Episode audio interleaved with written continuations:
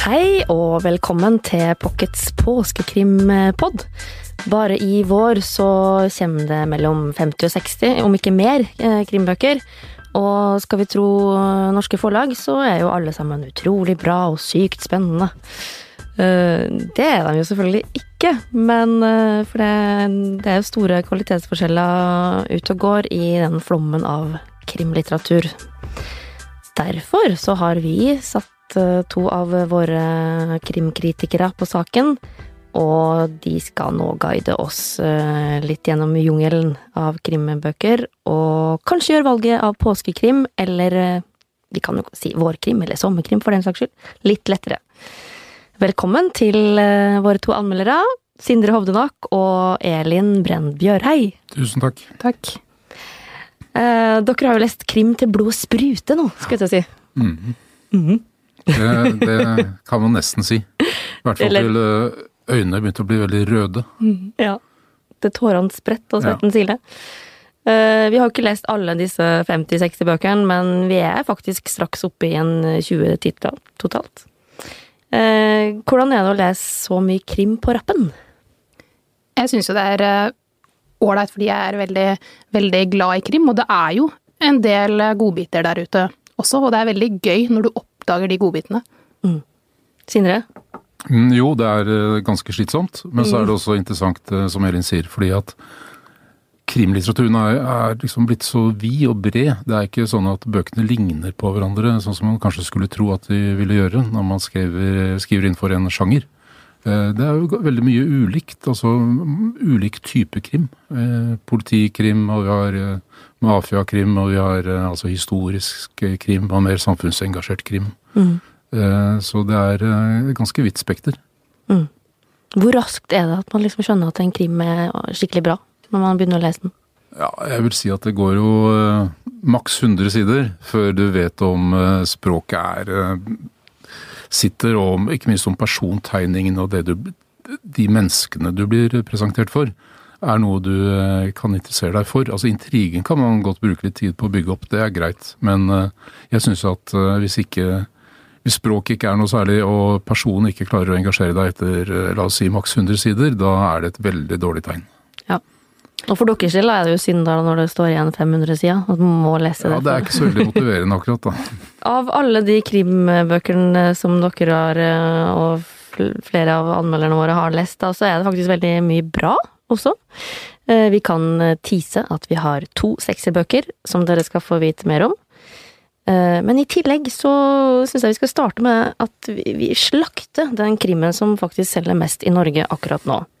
Det er en ti år gammel Jussi Adler Olsen-krim, som det norske forlaget har valgt å utgi nå, da kanskje påvente av eh, en ny bok om eh, Avdeling Q. Helt åpenbart i påvente av en ny bok om avdeling Q. Dette er som du sier, den er ti år gammel. Den heter Washington-dekretet. På mange måter, det er, Dette er mer sånn type thrilleraktig bok. Eh, flyplasstriller, som jeg kaller det. Litt sånn eh, eh, hyllevare, men, og den er altfor lang. Men på en måte så er det ikke så dårlig timing allikevel av forlaget, for det handler jo da om en ganske gæren amerikansk president. Nyvalgt president som går fullstendig bananas av ulike årsaker og innfører et redsels- og terrorregime nærmest i USA, hvor han, eh, hvor han eh, altså eh, styrer med, styrer med sånne unntakslover og, og dekreter, og det, det ender jo med borgerkrig nærmest, og terror og brann og død og oppstandelse i USA. Så i disse Trump-tider så er det jo for så vidt, eh, om ikke akkurat underholdende, så i hvert fall en, en interessant timing. Men når det er sagt, så syns jeg at selve boken og ja, historien og typene du møter og sånn, det er stort sett bare tøv. Ja. Du gir jo terningkast to. Ja, jeg gjør det. For det er altså, også fordi at dette er Jussi Adler Olsen. Og selv om jeg egentlig aldri vært noen stor Jussi Adler Olsen-fan, så eh, forventer jeg mer eh, enn dette av en så etablert forfatter. Eh, ok, eh, før vi skal fortelle litt mer om hvilke krimbøker du faktisk bør sjekke ut, så må vi snakke litt om greia med påskekrim. Eh, for vi skal ikke lenger enn til Danmark og Sverige før de ikke skjønner noe som helst av dette begrepet. Resten av verden aner faktisk ikke hva påskekrim er. Så hva er det egentlig vi holder på med her hjemme i Norge? Hvorfor syns vi påskekrim eh, Eller hvorfor syns vi krim er bedre i påska? Det er jo da vi har tid til å lese, blant annet. Eh, man, nå kan man jo si at det, det antageligvis en, har en del med, med, markedsføring fra forlaget å gjøre. Eh, når de kom med denne her Bergenstoget plyndret i natt, som var jo det som startet påskekrimmen i Norge. Jeg får høre litt om dette. Det, har, det, det er sånn en liten historie fra tidlig på 1900-tallet. Ja, 1930-tallet. 1930 ja, så var det jo da de skulle markedsføre en, eh, en ny krimroman, 'Bergenstoget plyndret i natt'. Og så vidt jeg husker, så ble vel dette slått opp på en sånn måte at folk forsto ikke at dette var en, eh, en, en bok. Nei, det ble slått opp på førstesida, ikke sant, som ja, annonse. Men... Det var en annonse um, som presenterte i datiden så jeg tror faktisk var så langt tilbake som 1923. Mm -hmm. Det var en skikkelig Jeg har lest dette, denne boken. Ja. Det er en skikkelig røverroman. Skrevet av pseudonymet Jakob Jerv, som da var Nordahl Grieg og en som het Nils Lie som hadde, en forlagskonsulent som hadde smørt sammen en skikkelig røverroman på kort tid. For å prøve å tjene litt penger, også da for forlaget til broren til Nordahl Grieg, nemlig Harald Grieg. ikke sant? Mm. Og så fant vi ut at dette måtte vi prøve å eh, bare kjøre vei med når det gjaldt markedsføring. Så da, så da fikk de laget da en avisannonse som ble sier historien, oppfattet som reell, et reelt oppslag. Altså det var ikke godt nok merka, som vi ville sagt i Nei, dag? I dag ville dette definitivt blitt felt av PFU eller noe sånt, men ja. den gangen så funket det åpenbart. da, I mm. hvert fall så fikk de mye oppmerksomhet uh, ut av det, ja. Så tenker jeg at ja, dette var kanskje timet opp mot en påske, og det er klart at særlig den gangen, se for deg Norge i 1923, vi hadde knapt nok en radiostasjon. Uh, NRK var ikke etablert ennå, faktisk.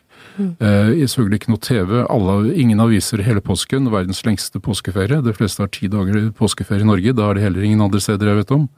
Uh, alt er stengt. Absolutt alt. det er ingen Det er rett ingenting som skjer. og så hadde man jo begynt da med denne hyttetradisjonen, ikke sant. Den begynte jo sånn rundt begynnelsen av 1900-tallet for alvor. Hvor folk mm. begynte å reise på påskeferie på hytta. Mm. Og Da er det jo én ting man kan gjøre, da, når det ikke er noe å høre på eller se på, og det er å lese. Og da er det kanskje ikke unaturlig at man velger litt underholdende, lett litteratur, som samtidig er spennende nok til at man kan beskjeftige, beskjeftige, seg med det gjennom en hel påske. Så muligens at det ligger noen slike forklaringer. Men det er nok sånn som Elin sier, først og fremst er det et markedsføringsfenomen som må sies å ha vært utrolig vellykket. Men Elin, syns du krim er bedre i påska? Jeg syns krim er bra hele året. Ja. Men samtidig så er det lite som slår det å sitte på en hytte, høre snøen eh, piske rundt veggene, ha eh, fyr på peisen, kose seg med litt varm kakao og kose seg med en god krimbok. Nei, ikke sant. Vi er, vi er, vi, det blir tradisjon. Det vel, har vel litt med det, å gjøre. Det blir tradisjon, definitivt. Ok, om det er til påske, eller om du da er på leting etter en ny god krim eh, sånn uavhengig av det, så har uh, dere altså gitt uh, to bøker terningkast seks. Elin, du gir terningkast seks til en svensk krimforfatter som kanskje ikke alle her hjemme har oppdaga ennå. En som faktisk har vært Lisa Marklunds uh, redaktør. Det stemmer, og jeg syns jo at på flere felt så er hun jo mye bedre enn eh, Lisa Marklund. Vi må si navnet. Hun heter Tove Alsterdal. Tove Alsterdal heter hun. Mm. Og boken heter Ingen vei tilbake. Ja. Og det er hennes eh, tredje, tredje krimroman. Det som jeg syns er veldig bra med henne, hun skriver jo i grensesjiktet mellom roman og krim. Bøkene hennes er både romaner, og det er også krim. Og hun tar opp veldig mange ulike temaer. Hun er veldig samfunnsengasjert. Mm. Hun skriver gode, brede plott hun har en veldig god penn, veldig gode karakterer. Bøkene hennes får deg til å reflektere. Mm. Ja, og du har jo skrevet anmeldelsen at det, er bred og sammensatt fortelling, og vi skal både til Argentina og Colombia, og det, det er liksom ikke bare et dødsfall her som nøstes opp. Nei, altså det er både en, en tradisjonell krimroman av den typen nordic noir, mm. Eh, men du har også en en ganske spennende politisk thriller som dreier seg om eh, motstandskampen etter militærkuppet i Argentina på 1970-tallet. Mm. Hvor vi følger da en ung eh, svensk kvinne som, eh, som, kaster seg ut i denne motstandskampen. Og så er det også en familieroman om, eh, som handler om da to søstre og, og, og, relasjonene mellom dem og mellom deres foreldre som ikke har vært så mye til stede. Moren mm. forsvant blant annet når de var eh, små. Vi kan jo nevne at denne boka her ble kåra til årets beste krim i hjemlandet Sverige i 2014. Eh, og får altså terningkast seks her i VG. Eh, Sindre, det ser ut som du har kost deg skikkelig med årets krimlesning, for eh, ikke bare gjorde den seks, men tre femmere òg. Mm, Ja, det, det, det tok seg opp, for å si det sånn, etter Jussi Adler Olsen. La oss starte med sekseren, som altså går til norske Torkil Damhaug. Mm. Du kaller den boka hans for imponerende. Ja, det er, eh, den heter En eh, femte årstid og er eh, det, Etter at jeg hørte Elin nå, så skjønner jeg at dette er, det er to ganske interessante paralleller mm, mellom disse to bøkene. Det ene er at de rent litterært så, så tenker også at Damhaug først og fremst er en sånn klassisk romanforfatter, like mye som en det vi forbinder med en krimforfatter, det er mye psykologi og det er mange altså, den underliggende tematikker som man finner i såkalt vanlig skjønnlitteratur. Men akkurat i handlingen her så er det også den interessante parallellen at også denne boken eh, går faktisk tilbake til militærregimet i Argentina, altså diktaturet, juntaen, på 70-tallet. Fordi det er et slags, eh, slags prolog her som utspiller seg under VM-finalen i fotball i 1978. Eh, hvor det skjer et eh, Som blir sendt på TV selvfølgelig her i Norge. Og hvor det underveis, eller i forbindelse med denne kampen, så skjer det en dødsulykke på en fabrikk i Hammerdal. En forferdelig dødsulykke. Og der starter på en måte historien, og så blir vi da i neste kapittel så, så er vi i vår tid. I samtid faktisk eh, på høsten 2016, så langt går den. Så den går egentlig litt Går lenger enn vi er. lenger enn vi ennå er kommet. Uh, ja, og da rulles det altså opp en intrige som eh, selvfølgelig da har forbindelseslinje både tilbake til selve den fabrikken, som nå for, langs, for lengst er nedlagt, men som fremdeles eh, er en, er en del av handlingen og, og et åsted. Og så eh, disse familiene og eh, historiene deres helt tilbake fra 70-tallet som eh, føres fram til de forferdelige hendelsene i eh, 2015-2016. To veldig gode bøker, og som har en slags parallell Ja, her. Det er jo interessant. Um, Sindre, du gir jo også terningkast um, fem til da den britiske krimkongen Robert Wilsons 'Mennesketyvene'.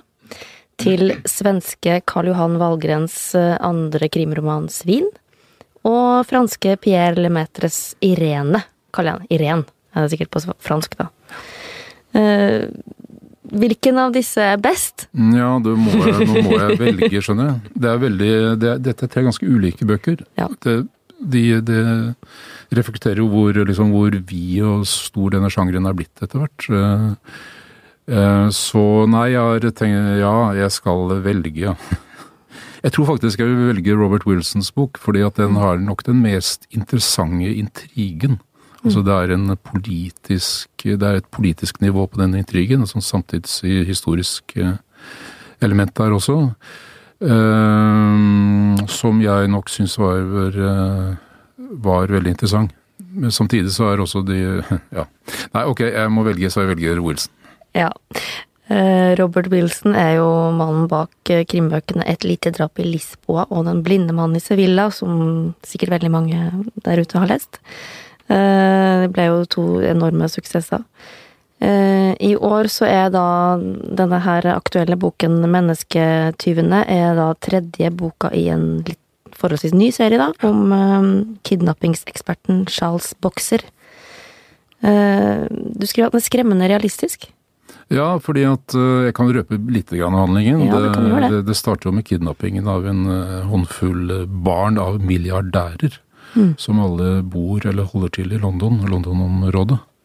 Eh, og så blir det da stilt krav. Det viser seg selvfølgelig at det er de samme kidnapperne som står bak. eh, og, og så blir det stilt krav da, til foreldrene, men det er kanskje ikke akkurat den type krav man ville ha forventet.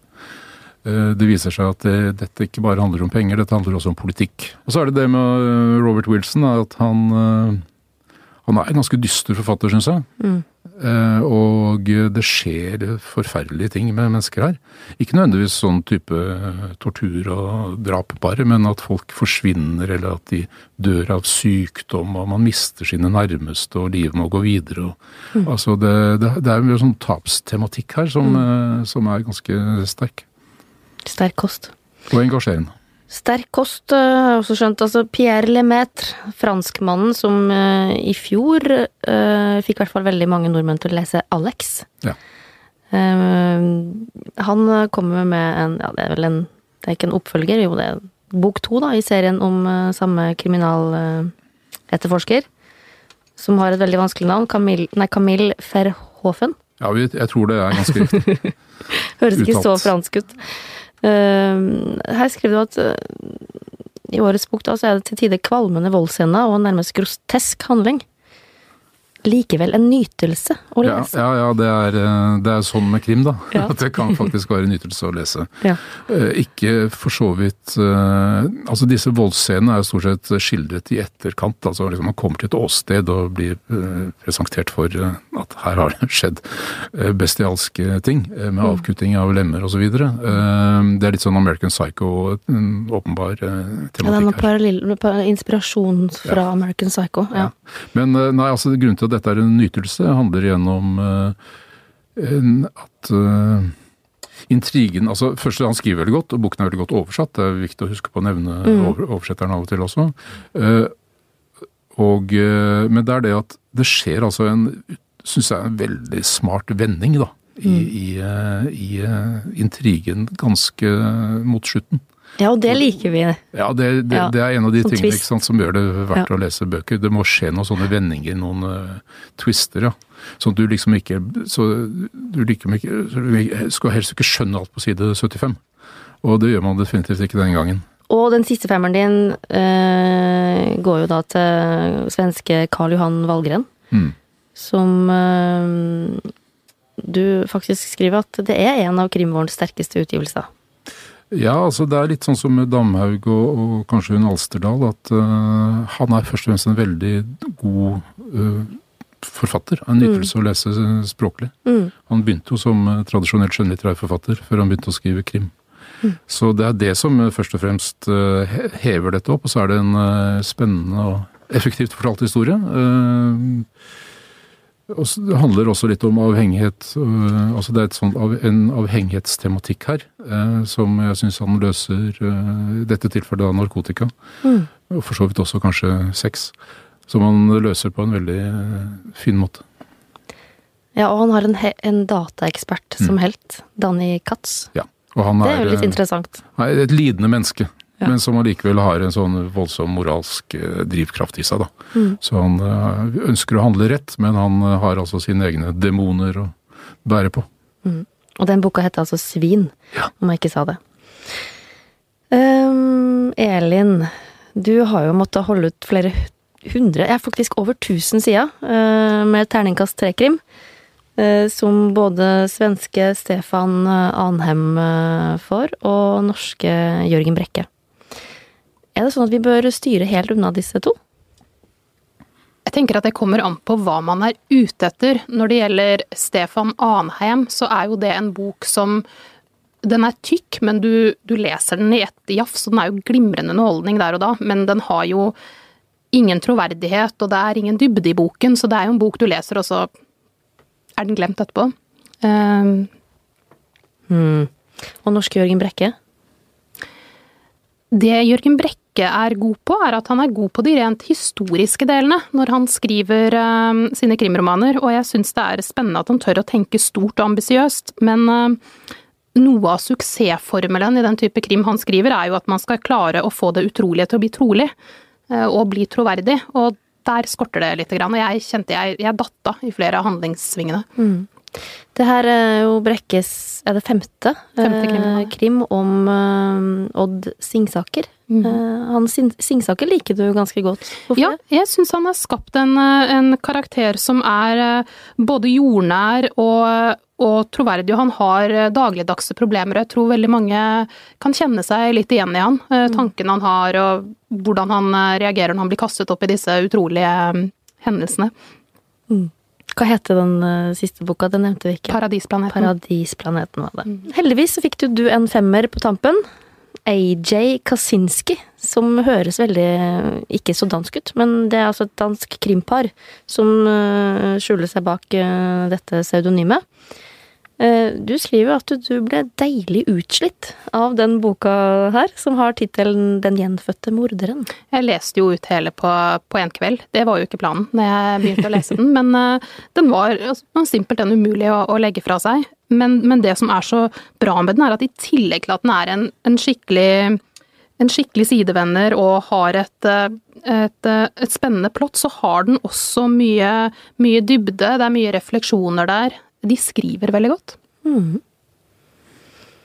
Uh, ja, og det, jeg tenker jo det er jo det mange som liker å lese krim er liksom ute etter. Altså, de vil jo at det skal være sånn at du ikke kan legge den fra deg. Ikke sant? Og hvis man er ute etter uh, type litt grøss i, i, påsken, så har den også enkelte overnaturlige elementer. Mm. Uh, dette forfatterparet har jo vært veldig opptatt av det i alle mm. sine tre bøker. Ja. Eh, to bøker som jeg syns også vi må nevne her, da, som gode alternativ til påskekrim, eh, som er ferske. Det er amerikanske Peter Svansons eh, De som fortjener det, og britiske Claire McIntosh Jeg lar deg gå. Begge disse kom tidlig i år og fikk terningkast fem av vår anmelder Tom Egeland. Svansen har jo blitt veldig mye omtalt i, i vår. Det er en thriller med såkalt upålitelig forteller, og det har jo vært en liksom, trend de siste årene. Med Flink pike, Piken på toget og Elisabeth er borte og ja, enda flere bøker. Eh, og den mener da altså Tom Egeland er full av sjarme og mm, spenning. Og mm, så har vi jo en lang rekke med firerbøker. Vi skal ikke nevne alle de her. Eh, jeg foreslår at de som har lyst til å lese mer, går inn på VG sine boksider på nettet og leser eh, alle krimanmeldelsene. Eh, men det er jo et par-tre navn vi må nevne, syns jeg. Sånn som eh, Jens Lapidus, for eksempel. Ja, det var disse flinke svenskene, da. Ja. De, nei, altså Jens Lapidus, 'Stockholm Delete', heter årets bok. han skriver en sånn type mafia- eller gangsterkrim, egentlig. Mm.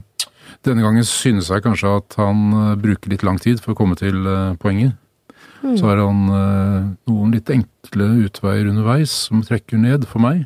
Mm. Dessuten så er det liksom ikke noe særlig fornyelse av miljø eller også liten grad av tematikk i bøkene hans. Så det blir litt sånn vel, vel mye av det samme. Mm. Så den Det ble en fyrer. Ja. Men likevel skriver du at den er proff og velskrevet ja, og effektiv. Absolutt. Absolutt. Det samme er jo litt med Hjort og Rosenfeldt. Eh, svensk krimpar som virkelig begynner å få litt sånn fotfeste her i Norge med serien om Sebastian Bergman. Denne gangen altså en firer. Mm, men du skriver at de tilhører eliten av skandinavisk krimlitteratur. Er du litt streng når du gir fire, da? eller? Nei, jeg kunne sikkert vært strengere, jeg, eh, ja. når det gjelder mange anmeldelser. Men eh, i dette tilfellet, altså de tilhører uten tvil eliten eh, fordi det er så veletablert og leverer mm. på såpass høyt nivå jevnt over. Jeg syns kanskje at ja, denne boken om Sebastian Bergman er jo en interessant figur, men det, det blir sånn merkelig bok, for det begynner som en sånn etterforskningshistorie, uh, og så blir det så mot slutten blir det noe sånn merkelig utenpåklistrete actionscener og noe helt tullete biljakt og mm. sånn som jeg egentlig ikke helt skjønner hvorfor de har lagt på, da. Mm. Og så er det noe med at alle disse svenskene, eller disse, denne gruppa til Sebastian Bergman, politietterforskere, så er det, eller spesialetterforskere, så er det jo da bl.a. hans datter som han ikke er på talefot med, og så er det mange andre av disse medlemmene i gruppa som alle har sånne private eh, relasjoner seg imellom. Mm. Så det, det, blir jo litt mye sånn eh, familieterapi og, og, og veldig mye Ja.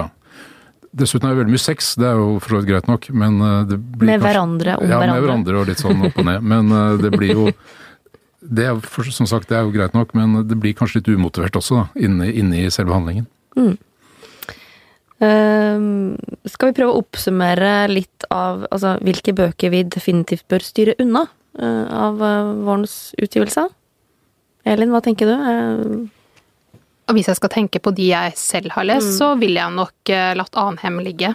Mm. Det er jo en Altså, han har jo han har solgt ganske godt i, i Sverige, og debuten hans ble jo kåra til, eh, til, eh, Eller den ble vel den mestselgende debuten i, i 2014, men, eh, men, det er Jeg syns ikke det var bra. Nei. Det er godt å vite, for det er jo en av bøkene som man prøver Som man ser overalt for tida. De blir lagt godt fram i bokhandlene, i hvert fall. Um, ja, Jussi, han har vel Ja, av de jeg har lest, så er det definitivt Washington-dekretet jeg ikke vil, kunne anbefale. Bortkastet tid og bortkastet penger og i det hele tatt. Det er Det, er, det, er, det finnes mange langt bedre alternativer. Mm. En annen svenske som uh, har blitt veldig solgt inn fra, fra norske forlaget, uh, som både ny krimdronning og jeg vet ikke hva, det er Micaela Bley. Uh, den ble slakta i VG av vår anmelder Brynjulf Jungkjønn, som mener den er så ordinær at han ikke skjønner hvorfor den har blitt utgitt. Det er godt sagt. Det er godt sagt. Så skal jeg gjøre det litt vanskelig da for våre krimkritikere. Hvis jeg nå da skal bare kjøpe meg én påskekrim, eller én krim til påsketuren, hvilken skal jeg velge da? Eli? I forhold til de bøkene jeg har lest, så vil jeg jo selvfølgelig trekke fram Tove Alsterdal. For da får du jo både en krimroman og en roman i ett. Og den vil også kunne interessere folk som ikke nødvendigvis er så interessert i, i krim, tenker jeg. Mm. Så den vil jeg definitivt. Men er den så spennende at jeg vil ligge og lese hele natta? Ja, det også. Den har et, et, veldig fint driv i seg, og hun klarer veldig godt å, å skifte mellom spenningstopper og mer rolige partier og så mm. Og den fikk jo terningkast seks, så kanskje det var ikke så vanskelig likevel. For Sindre, hvilken bok er det du syns at jeg skal ta med på påskefjellet? Du, da syns jeg at du skal ta med Torkild Damhaugs bok, faktisk. Ja. Ehm, det tror jeg er et sikkert uh, valg, og dessuten kan du risikere å bli litt eh, skremt også. Mm. Det er jo noe av poenget. Ja. Uh, og så er det sikkert noen som tenker at de må ha med seg mer enn én, da. Så nummer to-bok fra deg, Sindre. Jo, det er da en bok vi ikke har snakket om, som ikke er med i krimriget egentlig, men som er uh, i mine øyne en thriller. Uh, nemlig Karsten Jensens nye roman fra Afghanistan. Mm. 'Den første sten'. Forferdelig spennende og utrolig interessant. velskrevet, informativ og ganske troverdig. Og den ender, den ender helt forferdelig. Mm. Men den er absolutt verdt å lese. Ja. Og den fikk jo også terningkast seks ja. nylig hos oss. Av deg. Ja. ja.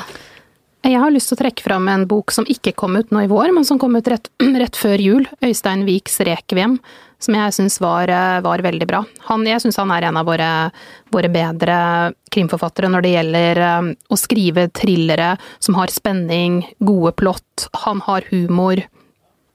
Mm. Han syns jeg man absolutt bør ta med seg på påskefjellet.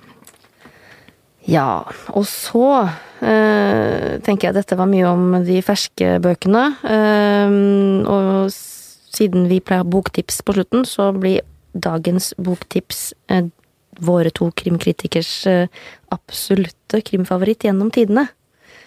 Eh, er dette lett å svare på, Ellen? Man kunne valgt flere, men jeg har én eh, bok som for meg står for en av de, de bedre krimromanene jeg har lest. Den, jeg husker, husker det fortsatt når jeg, når jeg, leste den. Det er eh, Christ, Agatha Christies 'Og så var det ingen'. Det er en bok som tidligere het 'Ti små negerbarn', men den tittelen var de nødt til å endre i moderne tid. Så nå heter den 'Og så var det ingen'. En klassiker der, altså. Sindre? Jeg tenkte at det er jo sånn slags Sherlock Holmes-jubileumsår i år, eh, så jeg vil egentlig anbefale at man eh, plukker med seg en samling av de beste Sherlock Holmes-historiene ja, på, mm. på påskefellet, hvis man skal lese noe klassisk som helt sikkert er bra. Det finnes så mange utgaver å velge mellom, eh, så det burde ikke være noe problem å, å få tak i det før man hiver seg i bilen eller på toget. Ja, nei, det er vel en del sånne samlinger Mange samlinger, både på engelsk og norsk. Det kan med fordel leses på engelsk, selvfølgelig. Mm. Ja. Det var vel også et nytt et forlag, Bokvennen, ga vel også ut eh, noen av novellene i fjor. I fjor tror jeg. Ja, mm. Som samleutgave. Og det, Dessuten kan jeg også nevne at det nettopp kommet en stor biografi om Sherlock Holmes, oversatt fra mm. svensk, eh, i anledning jubileet på et annet forlag. Mm. Bra. Masse krimtips uh, i dagens uh, pocket, altså. Um, til slutt så kan jo jeg tipse de aller minste krimleserne om at det er en helt fersk bok ute i serien til Jørn Lier Horst om detektivbyrå nummer to. Den heter Operasjon Sirkus. Den kan jo leses fra de er fem-seks fem, år. Uh, og for de større barna så har jeg litt tro på Krim-Tom Christiansens uh, bok uh, i spenningsserien World of Spycraft Det kom akkurat en ny ut, bok ut der. Den er fra tolv år og oppover. Så har vi, nå har vi tipsa om alle. Hele familien. Hele familien. Mm. Eh, Så da sier vi tusen takk til Sindre Hovdenhag og Elin Brenn Bjørei. Og produsenten Magne Antonsen, som jeg håper har fått noen tips til påskekrim. Eh, og så ønsker vi alle en riktig god krimpåske, og Pocket er tilbake i april. Ha det bra!